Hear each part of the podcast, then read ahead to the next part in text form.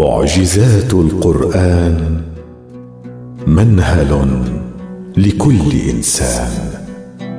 هو كتاب النور هو الزاد للمؤمنين. لا يفنى مر الدهور هو حصن قلاع الدين.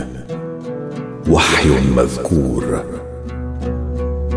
كتاب الله به يهتدي كل عقل فهيم ويستنير كل قلب في سكينة الإيمان يقيم. هو القرآن الكريم. المعجز بالجملة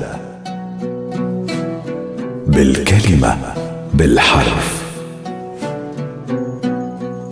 لم تنقضي ولم تنقضي عجائبه.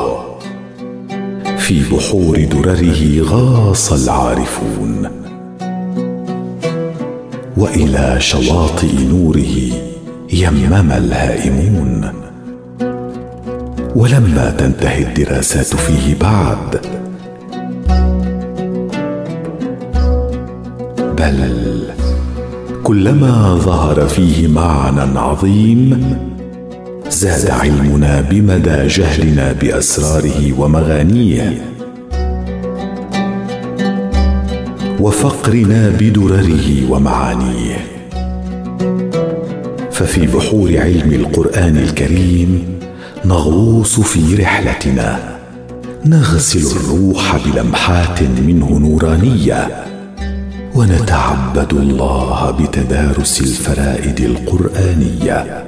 رحلة هي زاد للروح وسبحات في عوالم نور القرآن الكريم. كتاب الله العظيم.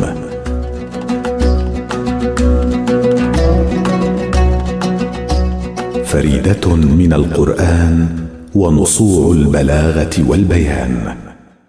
هي الكلمة هي المعجزة التي زود الله بها خير أنبيائه وأحبهم إليه. كان خليله فأعطاه دليله. الكلمة. وأي كلمة؟ إن هي إلا كلمات الله أوحى بها إلى رسوله الكريم محمد صلى الله عليه وآله وصحبه وسلم. فأضاء الدنيا بالكلمة. واستنقذ القلوب من الظلمات إلى النور بالكلمة. وغسل الأرواح في عوالم من عطر الإيمان المبخور بالكلمة. في الكلمة هامت أرواح ونفوس ونذرت قرائح عظيمة. نالت عظمتها ببركة جهادها في حرم خدمة الكلمة التي أنزلها الله تعالى في سماه على عبده محمد رسول الله. فألفت كتب عظيمة تتناول الكلمة وورودها في القرآن الكريم. ومعناها في سياق الآي العظيم وبلاغتها ومرادها في السياق القرآني. وذابت قرائح العلماء تستغيث المعنى من الرسم المصور وتستنجد بالله أن يقدر لها الفهم المقدر. فكيف نزلت الكلمة؟ فيما تكررت ها هنا وفيما ها هنا تفردت إذ وردت بعض الكلمات في القرآن الكريم متفردة بالظهور مرة واحدة. والفريدة في معناها العميق المنقطعة عن القرين أي التي لا مثيل لها ولا وزين ولا شبيه. وليس تفرد هذه الكلمات في القرآن الكريم إلا لغاية عظيمة ومؤدى كريم. وفي هذا البحر من بحور القرآن الكريم نحاول أن نغوص في هذا المقام لنتلمس بعض جوانب الإعجاز في الفريدة القرآنية. قال سبحانه وتعالى في سورة يوسف بسم الله الرحمن الرحيم. ولما فتحوا متاعهم وجدوا بضاعتهم ردت إليهم قالوا يا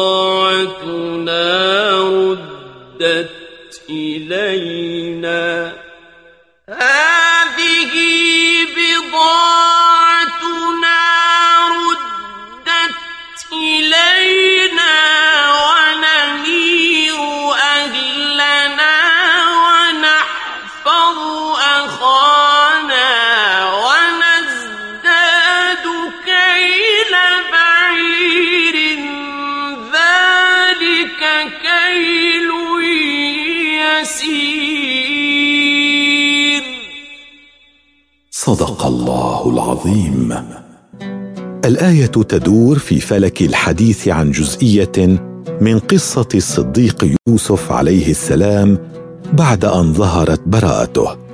وقربه ملك مصر منه وجعله قيما على خزائنها وأدار أمورها بإحكام. وما لبث القحط أن حل بأهل كنعان فقدموا إلى مصر يميرون لأهلهم أن يتزودوا لهم. ويميرون أن يجلبون الطعام من بلد إلى بلد. والفريدة التي نبحث في أسرارها هي نمير. وإن كانت نمير بمعنى التزود بالطعام فما هو سر ورودها هاهنا متفردة ومنقطعة عن النظير في القرآن الكريم كله؟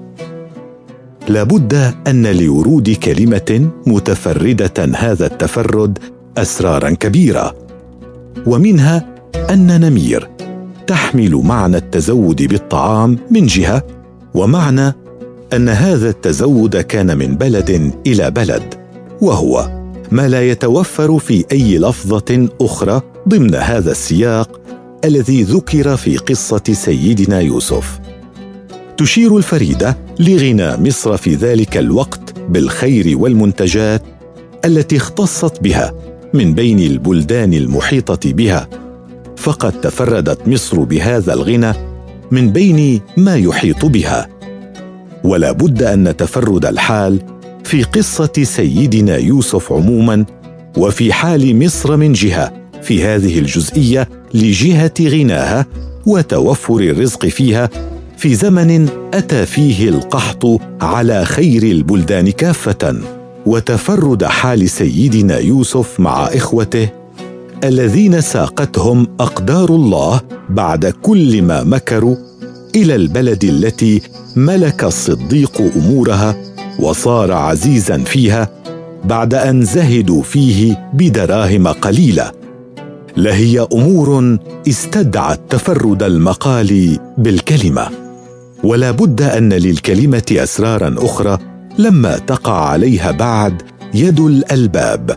فلا بد لكلمة تفردت في الظهور من ينابيع عظيمة من المعاني وبحور. فسبحان من أعجز عباده بالكلمة وسبحان من أفاض عليهم من نور الكلمة حتى تزول عن عقولهم حجب المعاني وأستارها. معجزات من الصورة في الآية والسورة.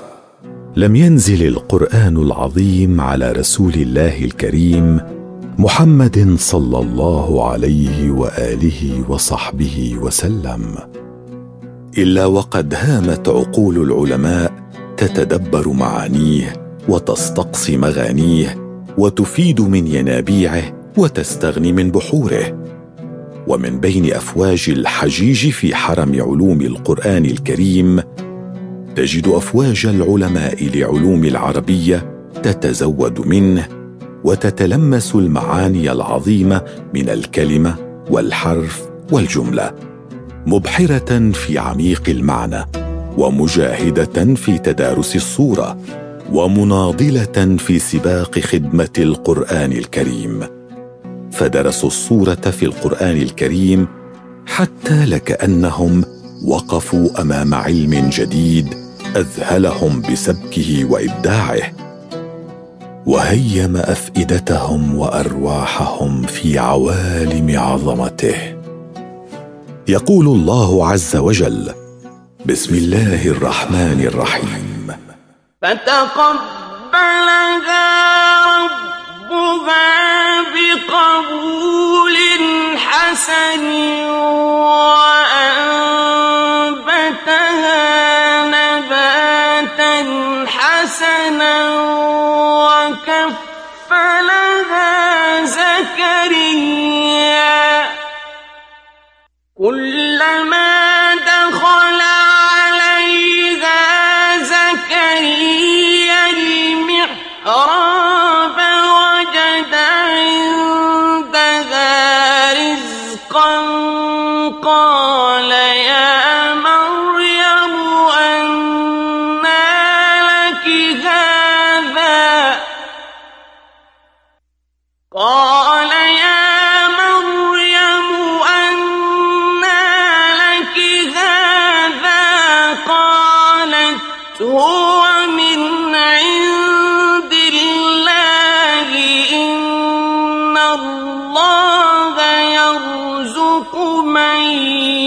يشاء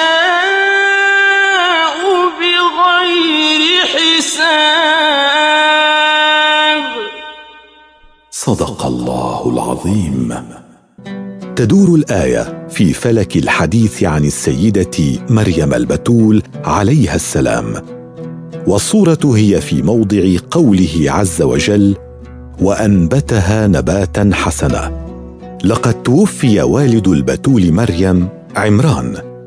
وكانت أمها قد دعت ربها أن يرعى أنثاها التي حملت بها فتقبل ربها دعاءها وأنبتها نباتا حسنا فكفلها زكريا. لاحظ أن الذكر الحكيم لم يقل أن الله الذي تولى مريم العذراء قد رباها تربية حسنة أو أعطاها فأغدق عليها مثلا. ولكنه ذهب مذهبا في القول له غايات عظيمة. انظر وأنت تتصور. كيف تراعى النبتة؟ كيف ستجد صورة الحرص عليها والرفق بها؟ وانظر كيف تتراءى لك البتول غضة نقية تحتاج إلى التلطف بها والعناية الدقيقة. هذا من ناحية الخطاب العاطفي. ولكنك تعلم في العقل أيضا أن النبتة تحتاج إلى رعاية علمية ودقيقة. فلئن أقللت ريها ذبلت. ولئن سقيتها فوق ما تحتاج أغرقتها وأهلكت غصنها. إنها هاهنا صورة لها غايات مهمة تفيد أن الله عز وجل قد خص السيدة العذراء بتربية أمر مهم فيها. فالإنبات الحسن والذي هو من صنع الله عز وجل يفيد منتهى الدقة في تلقينها وسقايتها ومنحها ما من شأنه أن يعلي شأن عقلها وقدرة روحها. وليس يخفى أن ما مرت به مريم البتول لاحقا من إنزال الوحي عليها وحملها بالسيد المسيح عليه السلام وما عاشته مع قومها لتحمل رسالة ربها. لهو أمر عظيم ما كانت لتحمله أي امرأة إلا أن يكون الله عز وجل قد تولاها وأنبتها تماما كما صور القرآن الكريم. وما كان تقرير الكلام ليعطيه مداه في الغاية المطلوبة فكانت بضع كلمات لصورة تحمل في أرجاء عوالم العقل والروح ما يمكن أن يفتح افاقا من الأخيلة والمشاهد لفهم ما عاشته البتول مريم وما خصها به الله عز وجل. علم الأكوان من بحور القرآن. هو الكتاب المحفوظ مر الدهور. دفن الخلائق ويبقى قائما محفوظا مدى العصور. فأي أسرار أودعها الخلاق العظيم في كتابه الكريم حتى تيسر له أن يبقى مشعل هدى ونورا لكل من يسعى سعي المتعطش في الأرض لمعرفة ربه رب الأكوان خالق الأماكن والأزمان مالك الملك الملك الديان. في هذا البحر رسالة القرآن إلى كل بني الأرض. رسالة يلتقطها قلب فقيه لعالم نبيه. إن شاء أن يهتدي في عظمة الخالق وإبداعه. ففي القرآن الكريم ما أدهش علماء الكون الذين ما زالوا يدرسون عجائب الأرض والأفلاك فإذا ما قضوا عشرات أو مئات السنين ساعين باحثين ووصلوا إلى حقيقة علمية بجهود كبيرة وحثيثة. تجلت بعض عظائم القرآن الكريم فوجدوا أن ما سعوا إليه يستقصونه قد أخبر عنه عالم الغيب العظيم في قرآنه الكريم. وردة في الفضاء بين سطور القرآن الكريم. قال تعالى بسم الله الرحمن الرحيم. سنريهم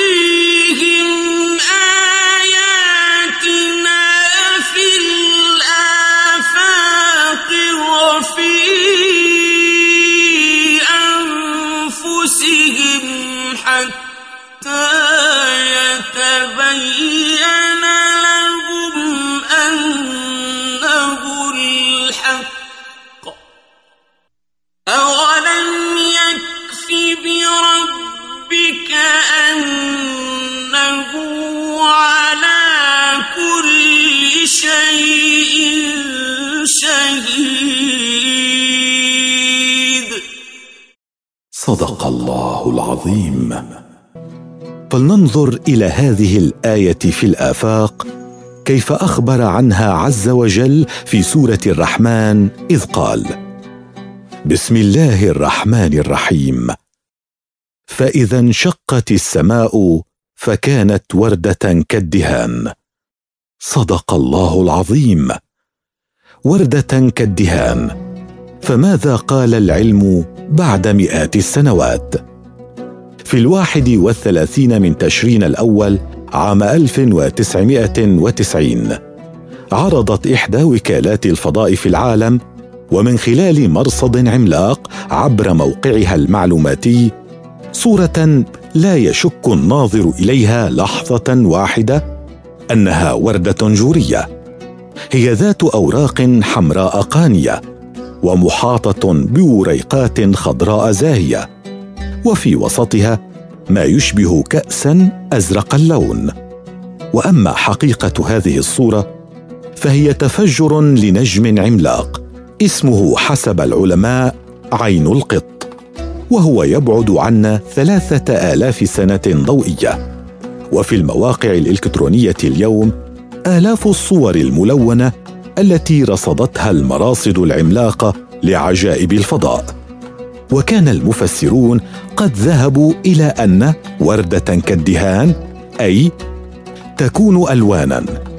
ليأتي العلماء بعد مئات السنوات ويلتقطوا صورة هذه الوردة بألوانها البراقة. وقد أحدثها انشقاق في أحد أجرام السماء وهو نجم عين القط المتفجر. فهل من مدكر؟ معارج الروح. إن الله أنار الكون بالكلمة ومن علينا بالكلمة وأنعم علينا بالكلمة. فنزل الوحي العظيم على رسول الله وحبيبه الكريم. محمد صلى الله عليه وآله وصحبه وسلم. وفي سبحات عوالم الكلمة نتقرب إلى الله ربنا ببعض الأبيات قيلت في عظيم مقام القرآن الكريم. من أين أبدأ قصة الإعجاز في آياته؟ ذهن الخيال تحيرا. أمن الفضاء الرحب ضاق بما حوى وبما استكن من النجوم وما سرى؟